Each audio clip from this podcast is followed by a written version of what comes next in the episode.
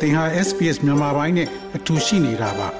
sbs.com.au/burmese မှာပုံမထူးခဲ့တဲ့သတင်းစာမားတွေကိုရှားဖွေပါ SBS မြန်မာပိုင်းကို အင်ကာနဲ့စနေနေ့ည10:00နာရီမှနားဆင်နိုင်တယ်လို့အွန်လိုင်းကနေလည်းအချိန်မီနားဆင်နိုင်ပါပြီ။ ဒေါက်တာဇော်ဝေဆိုအခုလိုကျွန်တော် SBS Radio မြန်မာပိုင်းစီစဉ်နဲ့လာရောက်ပြီးဆွေးနွေးပေးတဲ့အတွက်ကျေးဇူးအများကြီးတင်ပါတယ်။အရင်ဆုံးဒေါက်တာဇော်ဝေဆိုဆိုတာဘယ်သူလဲဆိုတာသောတာရှင်နေနဲ့မိတ်ဆက်ပေးပါ။ကျွန်တော်ဒေါက်တာဇော်ဝေဆိုပါကျွန်တော်ကအခုတော့ဒီမြို့သားညီညွတ်ရေးအစိုးရရဲ့ပညာရေးနဲ့ကျန်းမာရေးဝန်ကြီးဌာနရဲ့ဝန်ကြီးတာဝန်ကိုကျွန်တော်ယူထားပါတယ်။ဒေါက်တာဇော်ဝေဆိုအနေနဲ့ဒီမြန်မာပြည်ထဲမှာတော့ဟောဘာတွေလုပ်ခဲ့ပါလဲ ကျွန်တော်မြန်မာပြည်မှာတကယ်တော့ကျွန်တော်ရဲ့ဘဝကျွန်တော်ဆရာဝန်ပေါ့နော်ရိုးဆရာဝန်အနေနဲ့ကျွန်တော် post grad တက်ခဲ့တယ်စီတက်ကတူနှစ်နောက်မန္တလေးစီတက်တူပေါ့နော်နောက်အဲ့ဒီကနေကျွန်တော်နိုင်ငံခြားပေါ့နော်အင်္ဂလန်မှာသွားပြီးတော့ fellowship ကျွန်တော်ယူခဲ့ပါတယ် state scholar အနေနဲ့ fellowship ယူခဲ့တယ်2000မှာကျွန်တော်ပြန်ရောက်တယ်ပေါ့လေကျွန်တော်ဟိုမှာနှစ်နှစ်လှုပ်လှုပ်ပြီးတော့ကျွန်တော်ပြန်ရောက်တယ်ပြန်ရောက်တဲ့အခါမှာကျွန်တော်ရန်ကုန်စေယုံကြီးနဲ့ စီတက်ကတူတင်မှာအယိုးထုခုဆရာဝန်အနေနဲ့လှုပ်လှုပ်တယ်အဲဒီကနေပြီးတော့မြန်မာနိုင်ငံရဲ့အရေးပေါ်ပညာဌာနကျွန်တော်တို့မရှိဘူးအရင်တော့မြန်မာပြည်မှာအရေးပေါ် emergency medicine ဆိုတာမရှိဘူးအဲ emergency medicine ကိုကျွန်တော်2012မှာ develop လုပ်ခဲ့တယ်နောက်မြန်မာနိုင်ငံမှာအရင်တော့မရှိတဲ့ကြောရိုးခွဲစိတ်ပညာဌာနကိုကျွန်တော်တည်ထောင်ခဲ့တယ်အဲဒီကနေပြီးတော့နောက်2014မှာ ကျွန်တော်စီတက်တူနှစ်ရဲ့ဖောင်မောက်ခချုပ်ဖြစ်လာတယ်2015မှာစေတက်ကတူတည့်ရဲ့ဖောင်မောက်ခချုပ်ဖြစ်လာတယ်။နောက်2018မှာမြန်မာနိုင်ငံမှာ higher education reform အတွက်ဒေါအောင်ဆန်းစုကြည်ဒီအစိုးရလက်ထက်မှာ higher education reform အတွက်2018မှာကျွန်တော်ပါမောက္ခချုပ်များကော်မတီဥက္ကဋ္ဌဖြစ်လာတယ်။တက္ကသိုလ်ပေါင်း164ခုမှာဒီပါမောက္ခချုပ်တီကြားထဲမှာကျွန်တော်တို့မဲနဲ့ရွေးချယ်တဲ့အခါမှာ ကျွန်တော်ရွေးချယ်ခံပြီးတော့ပါမောက္ခချုပ်များကော်မတီဥက္ကဋ္ဌဖြစ်လာတယ်အဲ့ဒီကနေကျွန်တော်ရဲ့မြန်မာနိုင်ငံရဲ့ဒီ higher education စင်မြင့်ပညာနဲ့ပတ်သက်ပြီး reform မှာကျွန်တော်ပါဝင်ခဲ့တယ်ပေါ့နော်။နောက်ဒီစီးပညာနဲ့ပတ်သက်ပြီးတော့လည်းပဲစီးတက္ကသိုလ်ရဲ့ပညာရေး reform process မှာကျွန်တော်ပါဝင်ခဲ့ပါတယ်။နောက်2020ပေါ့လေဒီ covid ဖြစ်တဲ့အခါကျတော့အဲဒီကျွန်တော် covid management committee ရန်ကုန် committee မှာကျွန်တော်ဒုတိယဥက္ကဋ္ဌအနေနဲ့ကျွန်တော်ပါဝင်ပြီးတော့ ဆောင်ရွက်ခဲ့ပါတယ်ဒေါက်တာဇော်ဝီဆိုဒီတောက်လျှောက်ပေါ့လေဆရာဝန်ဖြစ်တဲ့ဆလှုပ်လာတာကဒီမြန်မာစစ်အာဏာရှင်တွေရှိနေတဲ့အချိန်မှာဖြစ်တဲ့အတွက်ကြောင့်အဲ့ဒီအချိန်တုန်းကလှုပ်လှုပ်ရတာခံရတာကို့မှာအခက်ခဲတွေရှိလားမဟုတ်ဘဲနဲ့လွတ်လွတ်လပ်လပ်ကိုကြိုက်တာလှုပ်လို့ရပါလားအဲနေရာကတော့ဘာနဲ့လွတ်လပ်တယ်ဆိုတာဘာနဲ့တိုင်းမလဲဆိုတဲ့ပုံမှာမူတည်တာပါလေနော်။အော်ဆိုကျွန်တော်တို့အနေနဲ့ဒီလိုကြီးပြင်းလာတာကအလုံးတည့်တဲ့အတိုင်းပဲကျွန်တော်တို့ဒီ61 62ဒီစစ်အာဏာဒီသိမ်းပြီးတဲ့နောက်ပိုင်းမှာကျွန်တော်တို့ကြီးပြင်းလာတဲ့ပုံကိုယ်တွေဖြစ်တဲ့အတွက်ဒီ socialist နဲ့ဒီစစ်အာဏာရှင်အောက်မှာပဲကျွန်တော်တို့ကဒီဟာကြီးပြင်းခဲ့ရတာပေါ့နော်အဲ့တော့အဲ့ဒီကနေကျွန်တော်အင်္ဂလန်လိုနေရာမျိုးသွားပြီးတော့ပညာသင်တဲ့အချိန်မှာကွာခြားချက်တွေအများကြီးတွေ့ရတာပေါ့ကွာခြားချက်တွေအများကြီးတွေ့တယ်ဒါပေမဲ့အဲကိုတိုင်းပြည်အတွက်အကောင်းဆုံးဖြစ်အောင်ဘယ်လိုများဆောင်ရွက်နိုင်မလဲဆိုတာကြိုးစားပြီးလုပ်ခဲ့ရတာပေါ့ဆိုတော့ဒါမှကျွန်တော်တို့ဒီ2010 17ပေါ့နော် အဲ့ဒီအချိန်မှာတော့ကျွန်တော်တို့မျှော်လင့်ချက်တွေစပေါ်လာတာပေါ့နော် partial democratization လို့ပြောအားလုံးသိတဲ့အတိုင်းပဲ2008 2009မြန်မာနိုင်ငံရဲ့ health expenditure 1 dollar per person per year ပဲရှိဆိုတော့ကမ္ဘာပေါ်မှာကျန်းမာရေးအတုံးစီအ ਨੇ ဆုံးနိုင်ငံအဲ့လိုနိုင်ငံမှာကျွန်တော်တို့ဆရာဝန်လောက်ရတာဘယ်လောက်ခက်ခဲမယ်ဆိုတာကျန်တဲ့လူတွေစဉ်းစားကြည့်ရင်ဒါသိနိုင်ပါတယ်ဆိုတော့အဲ့ဒီလိုမျိုးပေါ့နော်အဲ့ဒီကနေပြီးတော့ democratize စဖြစ်လာတယ် နောက်ဒေါအောင်ဆန်းစုကြည်ရဲ့ဒီအစိုးရလက်ထက်မှာကျမကြီးအသုံးစီတွေအများကြီးတက်လာဆိုတော့အဲ့ဒီမှာကျွန်တော်တို့ဟိုတိမ်ပေါင်းဒေါ်လာတွေပေါ့နော်တိမ်ပေါင်း1300လောက်ထိသုံးတဲ့အဆင့်တွေပညာရေးအသုံးစီတွေကျမကြီးအသုံးစီတွေတက်လာတော့ကျွန်တော်မျှော်လင့်ချက်တွေအများကြီးရှိလာအဲ့ဒီကနေပြီးတော့ရုတ်တရက်ခုဖြစ်သွားတဲ့အခါကျတော့အဲ့ဒါတွေအကုန်လုံးအမှောင်ကျသွားတဲ့သဘောပေါ့လေဒါအားလုံးသဘောပေါက်မှာပါကျွန်တော်တို့နိုင်ငံရဲ့အနာဂတ်ကိုမြင်နေရကနေရုတ်တရက်အမှောင်ကျသွားတဲ့သဘောဖြစ်သွားတော့အဲ့ဒါကြောင့်ကျွန်တော်တို့ဒီ ဘယ်လိုခက်ခဲတွေရှိလဲလို့မေးရင်တော့တော်တော်ကိုခက်ခက်ခဲခဲနိုင်ငံတကာနဲ့ရှင်ခုနကပြောလို့ပညာရေးမှာအဆင့်အနှိမ်ဆုံးတိုင်းပြည်၁၀ခုထဲမှာပါတယ်ကျန်းမာရေးမှာအဆင့်အနှိမ်ဆုံးကျွန်တော်တို့အောက်မှာတစ်ခုပဲကျန်တော့တယ်ဆိုတဲ့ ranking နဲ့ဂျာအလုပ်လုပ်ရတာဆိုတော့ကျွန်တော်တို့ပညာရေးကျမ်းမာရေးဘယ်လောက်ခက်ခဲတယ်ဆိုတာကျွန်တော်ထင်ပါတယ်အဲ့ဒီခက်ကကြီးပြင်းခဲ့တဲ့သူတိုင်းသိမှာပါ ဟုတ်ကဲ့ဒေါက်တာဆိုဝီဆိုကမြင်းကြံစာတီနော်ဟုတ်ကဲ့အဲ့တော့မြင်းကြံမှာမွေးမြင်းကြံမှာကြီးလာတော့ဒါမျိုးဆရာဝန်တယောက်ဖြစ်လာဖို့အတွက်ဘလို့ကြောင့်စိတ်ထဲမှာဖြစ်ပေါ်လာတာပါလဲအဲမြင်းညံဆိုတော့ကျွန်တော်တို့တကယ်တော့ဟိုမြင်းညံနေပြီးတော့9မိုင်လောက်ဝေးတဲ့ရွာပေါ့ဗျာကျွန်တော်ဖေရောအမေရောအဲ့ဒီပါဒါပေမဲ့ကျွန်တော်အဖေတွေအမေတွေကတော့ဟိုသူကစိုက်ပျိုးရေးလဲစိုက်ရှင်းမှလုပ်တဲ့အရာရှိတယောက်ပေါ့ဆိုတော့အဲ့ဒီကနေဆိုတော့ကျွန်တော်နေနှံ့ပြောင်းလာတာပေါ့နော်ခုနလို နထိုးကြီးကြောက်ပရောင်တောင်တွင်းကြီးနောက်ရန်ကုန်ပေါ့လေအဲ့လိုနဲ့ကျွန်တော်ပြောင်းပြီးတော့ကြီးပြင်းလာတာပေါ့အဲ့ဒီကနေပြီးတော့ဟိုတကယ်တော့ကျွန်တော်တို့မိသားစုတွေကကျွန်တော်အရင်ဆုံးပေါ့လေအဲ့ဒီမှာဟိုဆရာဝန်ကျွန်တော်အကိုကအင်ဂျင်နီယာစက်မှုတက္ကသိုလ်တက်တယ်ကျွန်တော်အမဟို PD တက်နေတဲ့အချိန်မှာအဲကျွန်တော်စေတန်းအောင်တဲ့အချိန်မှာအမှတ်လဲကောင်းတယ်အဲမိဘတွေကလည်းဆရာဝန်ဖြစ်စေချင်တာပေါ့နော်အဲ့တော့ကျွန်တော်ဆရာဝန်ပညာကိုသင်တဲ့သဘောပါကျွန်တော်အကြောင်းတချို့လည်းသိပြီးသားပါကျွန်တော်လူရည်ကျွန်း ခုနှစ်တန်းနေပြီး10တန်းဒီလူရည်ကျွန်းပါတာပေါ့လေအဲ့ဒီတော့အမှတ်တွေလည်းကောင်းတယ်ခြေနေကောင်းတော့ကျွန်တော်ဆရာဝန်ဖြစ်လာတော့ပေါ့တကယ်တော့ကျွန်တော်အကြောင်းကြီးတွေထဲမှာတချို့လည်းပါပါတယ်ကျွန်တော်မွေးကနေကကျွန်တော်တန်းနဲ့ကနေ10တန်းအထိကျွန်တော်သင်ချာတကားမှ69မှမရဘူးကျွန်တော်တရားပဲရဘူး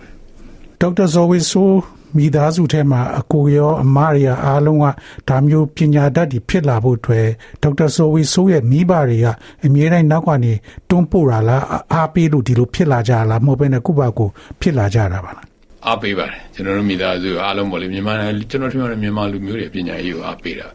ကျွန်တော်တို့မြန်မာလူမျိုးကပညာကိုတန်ဖိုးထားတဲ့လူမျိုးတွေပေါ့နော်မြန်မာလူမျိုးဆိုတာအကုန်လုံးပြောတာပါကျွန်တော်မြန်မာနိုင်ငံမှာရှိသမျှလူတွေအားလုံးမြန်မာဗမာတိုင်းရင်းသားတွေပေါ့ဗျာ အကုန်လုံးပါဝင်ဒါပညာရေးကိုဦးစားပေးတဲ့အတိုင်းပညာရွှေအိုးလူမခိုးဆိုတဲ့အမျိုးကနေပြီးတော့ကြီးပြင်းလာတဲ့လူတွေဆိုတော့ဦးစားပေးတာပေါ့နော်အဲဒါကြောင့်လည်းပဲကျွန်တော်တို့မိသားစုလည်းတူတူပဲပေါ့ဒီထဲကနေပြီးတော့ဒီပညာကိုတန်ဖိုးထားတဲ့မိသားစုပေါ့ဟုတ်ကဲ့တကယ်တော့အခုဆေးအာနာရှင်ကြဆုံးသွားပြီဆိုလို့ရှိရင်ကျွန်တော်တိုင်းပြည်မှာအခြေအနေရဘယ်လိုဖြစ်မယ်ထင်တယ်။ဘာဖြစ်ကျွန်တော်ရန်ကုန်မြို့က PDF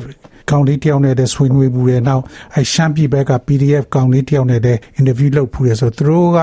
ပြောတာကတော့သူတို့ဒီဆေးအာနာရှင်ကြာသွားလို့ရှိရင်တော့သူတို့တရားရုံးတွေပါတင်တာသူတို့လက်မခံဘူးသူတို့နီးနေသူတို့လုပ်မယ်ပေါ့ဒေါက်တာဇော်ဝေဆိုးပြောတဲ့အဲမှာဒီဆေးအာနာရှင်ကြာသွားလို့ရှိရင်တော့တရားရေးရသူတို့အရေးယူမယ်လို့ပြောတယ်အဲကြာလို့ရှိရင်ဒီကလေးတွေကိုဘယ်လိုထိန်းနိုင်မယ်လို့ထင်ပါလဲ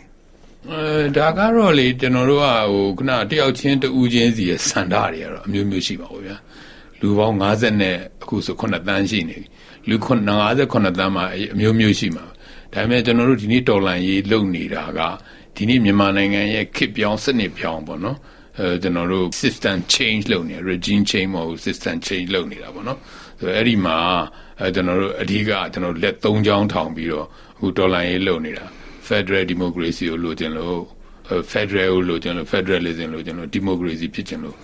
Justice ကိုရချင်လို့ကျွန်တော်တို့က Justice ဥပဒေနဲ့တရားနဲ့စီရင်မှ ကျွန်တော်တို့ကတိုင်းပြည်ကအနာကဒါအလုံးနားလဲပါတယ်တော်တော်များများဒါတွေကိုသဘောပေါက်ပြီးဒီဒေါ်လာကြီးကိုလက်သုံးချောင်းထောင်ပြီးလုပ်နေကြတာဖြစ်တော့ကျွန်တော်ထင်ပါတယ်စောစောကပြောလို့ဟိုတရားကျွန်တော်တို့တရားနဲ့ဒါစီရင်ရမှာဖြစ်တယ်အဲ့ဒီတရားမှာလည်းရှိမှာပေါ့နော်ဒါတရားနိုင်ငံတကာဥပဒေတွေလည်းရှိပြီးသားမြန်မာမှာလည်းဥပဒေတွေရှိပြီးသားဖြစ်ပါတယ်ဆိုတော့အဲ့ဒီဥပဒေတွေနဲ့အညီနောက်ခဏတိုင်းရင်းသားတွေအခုအရင်တော့ကနေဒီအကြမ်းဆွဲထားတဲ့ Federal Democracy နဲ့ပတ်သက်တဲ့ဖွဲ့စည်းပုံတွေဥပဒေတွေရှိပြီးသားအဲ့ဒီအရာတွေနဲ့အညီကျွန်တော်တို့ကစီမံဆောင်ရွက်ဖို့လိုပါတယ်စီမံဆောင်ရွက်ကြမှာပဲဖြစ်ပါတယ်အခုလဲ NUCC ထဲမှာဒီတိုင်းရင်းသားအဖွဲ့အစည်းတွေရောပါဝင်ပြီးတော့ဒါကိုဆွေးနွေးနေတဲ့အထက်မှာ transitional justice ဆိုတာအရေးကြီးဆုံးအပိုင်းကျွန်တော်တို့မှာ JCC transitional justice NUCC နဲ့ NUG နဲ့ပေါင်းပြီးတော့ joint coordination committee transitional justice ရှိပါတယ် ဆိုတော့အဲ့ဒါဟာကျွန်တော်တို့တိုင်းပြည်ရဲ့အနာဂတ်ပါဟုတ်ကဲ့ဒီလူငယ်တွေပြောတာကတော့သူတို့ပေးဆက်ခဲ့တာတွေကတိတ်များပြီပေါ့လေသူတို့ဘယ်သူမှသူတို့လောက်မပေးဆက်ခဲ့ရပေါ့သူတို့အသက်တွေထွေးတွေသွေးတွေနဲ့အများကြီးပေးဆက်ခဲ့ပြီပေါ့အဲအကြောင်းတကယ်လို့ဒီစစ်အာဏာရှင်ကျသွားလို့ရှိရင်တော့သူတို့ပေးဆက်ခဲ့တဲ့ဥစ္စာတွေကိုထိုက်တန်မဲ့ဟာမျိုးဟာသူတို့လှုပ်ချင်တယ်ပေါ့ကျွန်တော်ကသူတို့မေးပါတယ်ဒေါအောင်ဆန်းစုကြည်အချမ်းဖက်တာမချိုက်ဘူးဒေါ်စုကတကယ်လို့ဒါမျိုးမလုပ်နဲ့တရား ဥပဒေရအရေးယူမယ်ဆိုလို့ရှိရင်သူတို့အနေနဲ့ဘလို့ဖြစ်မလဲဆိုတာသူတို့ပြောတာကတော့ကျွန်တော်တို့ပေးဆက်ခဲ့တာသိများပြီတဲ့ကျွန်တော်တို့ကတော့ဒါမျိုးကိုကျွန်တော်လက်မခံနိုင်ဘူးတဲ့အဲ့လိုပြောပြီးအဲ့တော့အဲ့မျိုးလူလူငယ်တွေကအရန်စိတ်ထဲမှာအဲ့လိုစိတ်တက်ပြင်းထန်နေတော့သူတို့ထိန်းရတာလွယ်ပါမလားကျွန်တော်တင်နေကျွန်တော်တို့လူငယ်တွေအဲ့လောက်မညံ့ကျွန်တော်တို့လူငယ်တွေအခုခေတ်လူငယ်တွေအကြောင်းလေဒီဒေါ်လာကြီးအောင်မြင်နေတယ်ကျွန်တော်တို့ generation Z က ကျွန်တော်တင်နေကဘာမှာဒါတော်တော်ရှားတဲ့ generation Z လို့ပြောရင်ရကျွန်တော်တို့အရင်တော့စိတ်ပူခဲ့ကြတယ်လူငယ်တွေကိုအခုအာ game တွေကစားကြတယ်ကျွန်တော်ဆိုရင်စီတက်ကတူမှာဘေးက game ဆိုင်တွေလိုက်ပိတ်ရတယ်ဗါတယ်ပြတကယ်တမ်းကျတော့ကျွန်တော်တို့လူငယ်တွေကအဲ့ဒီလိုမဟုတ်ဘူးအခုဒီတော်လန်ရေးမှာလူငယ်တွေကဥဆောင်နိုင်တယ်ဥဆောင်ခဲ့တယ်တကယ်တမ်းလဲကျွန်တော်တို့ဒီနေ့တော်လှန်ရေးကအရင်ဟိုရှိခဲ့တယ်ကျွန်တော်အများအားပြောပါတယ်ဟိုဇိုလန်စကီမလို့ပါဘူးကျွန်တော်တို့ကျွန်တော်တို့မှာလူတိုင်းလူတိုင်းဟာ ဒီဟာကိုနားလည်ပြီးတော့ဟိုခဏလိုဥဆောင်နိုင်တဲ့အဆင့်ရှိတယ် generation Z တွေဆိုရင်ခုနဒီတော်လန်ရေးကိုဒီနေရာအထိတည်လာအရင်တုန်းကလို့ဆိုတာဆိုရင်ဒါတွေခုနဆရာပြောတဲ့အနေအထားမျိုးနဲ့ဆိုရင်ဒါနိုင်ငံတကာလည်းအပြစ်တင်မယ်အဖြစ်ပျက်စီးသွားမယ်အနေအထားမျိုးပေါ့နော်ကျွန်တော်တို့ခုနကလိုလူသားချင်းလူသားဆန်တဲ့တော်လှန်ရေးပေါ့နော်ဒီတော်လှန်ရေးဖြစ်အောင်ဒီလူငယ်တွေကထိန်းလာတဲ့အပြင်လူငယ်တွေအသိဉာဏ်ပညာ maturity အရန်ကိုအံ့ဩလောက်ကောင်းပါတယ် ကျွန်တော်တို့တွေ့နေရတာအခုဒီ NUCC ထဲမှာဆွေးနွေးနေတဲ့ဆွေးနွေးချက်တွေဟာလူငယ်တွေပါပဲကျောင်းသားကောင်းဆောင်ခုနဆရာကောင်းဆောင်တွေခုနလို CDM ကောင်းဆောင်တွေပါကြတယ်ဒါတွေကလည်းအားလုံးကျောင်းသားတွေဆရာတွေပေါ့နော်အဲဒီခုန generation set တွေပဲနောက်တစ်ခုကတော့ဒီအခု drone တွေလုတ်တယ်တို့နောက်ခုနတီထွင်ကြံစတယ်တို့အခုလိုမျိုးပေါ့နော်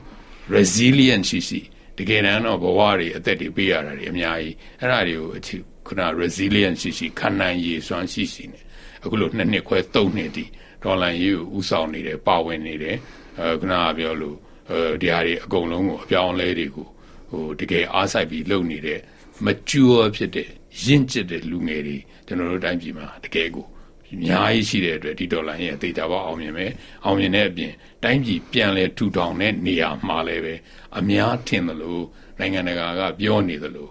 face state လုံးဝဖြစ်เสียအကြောင်းမရှိပါဘူးဒီလူငယ်တွေကြောက်မယ် face မဖြစ်မှာဖြစ်ပါတယ်ခုနအကြောင်းမျိုးမျိုးကြောင့်ရာဇဝင်မှာတမိုင်းမှာအမျိုးမျိုးရှိခဲ့ပေမဲ့ကျွန်တော်တို့ဒီနေ့မှာ mindset ကို change ဖြစ်သွားပြီဒါအပြင်စောစော maturity အပြည့်နဲ့တိုင်းပြည်ကို federal democracy နိုင်ငံတည်ထောင်မယ်ဆိုတဲ့ဒီယုံကြည်ချက်တွေနဲ့ခံယူချက်တွေနဲ့သွားနေတဲ့လူလူငယ်တွေဟာကျွန်တော်ထင်ပါတယ်ကျွန်တော်ဒီရှိရှောက် transition တို့ခုနတကယ် federal democracy မှာကျွန်တော်တို့လူ လူကြီးတွေတောင်တိတ်အများကြီးမလိုပါဘူးလူငယ်တွေရဲ့ maturity နဲ့အပြည့်အဝနဲ့တိုင်းပြည်အသစ်ကိုထူထောင်နိုင်လိမ့်မယ်လို့ကျွန်တော်ယုံပါတယ် sbs.com.au/bemis ကို home နေရာမှာထားပြီးတော့အမြဲတမ်းနှာစင်နိုင်ပါတယ်။နောက်ဆုံးရသတင်းတွေ၊စောင်းမားတွေနဲ့စစ်တမ်းတွေမှာပါဝင်ပြီးတော့ဆက်သွယ်မှုလုပ်နိုင်ပါတယ်။ sbs.com.au/bemis ဖြစ်ပါတယ်ရှင်။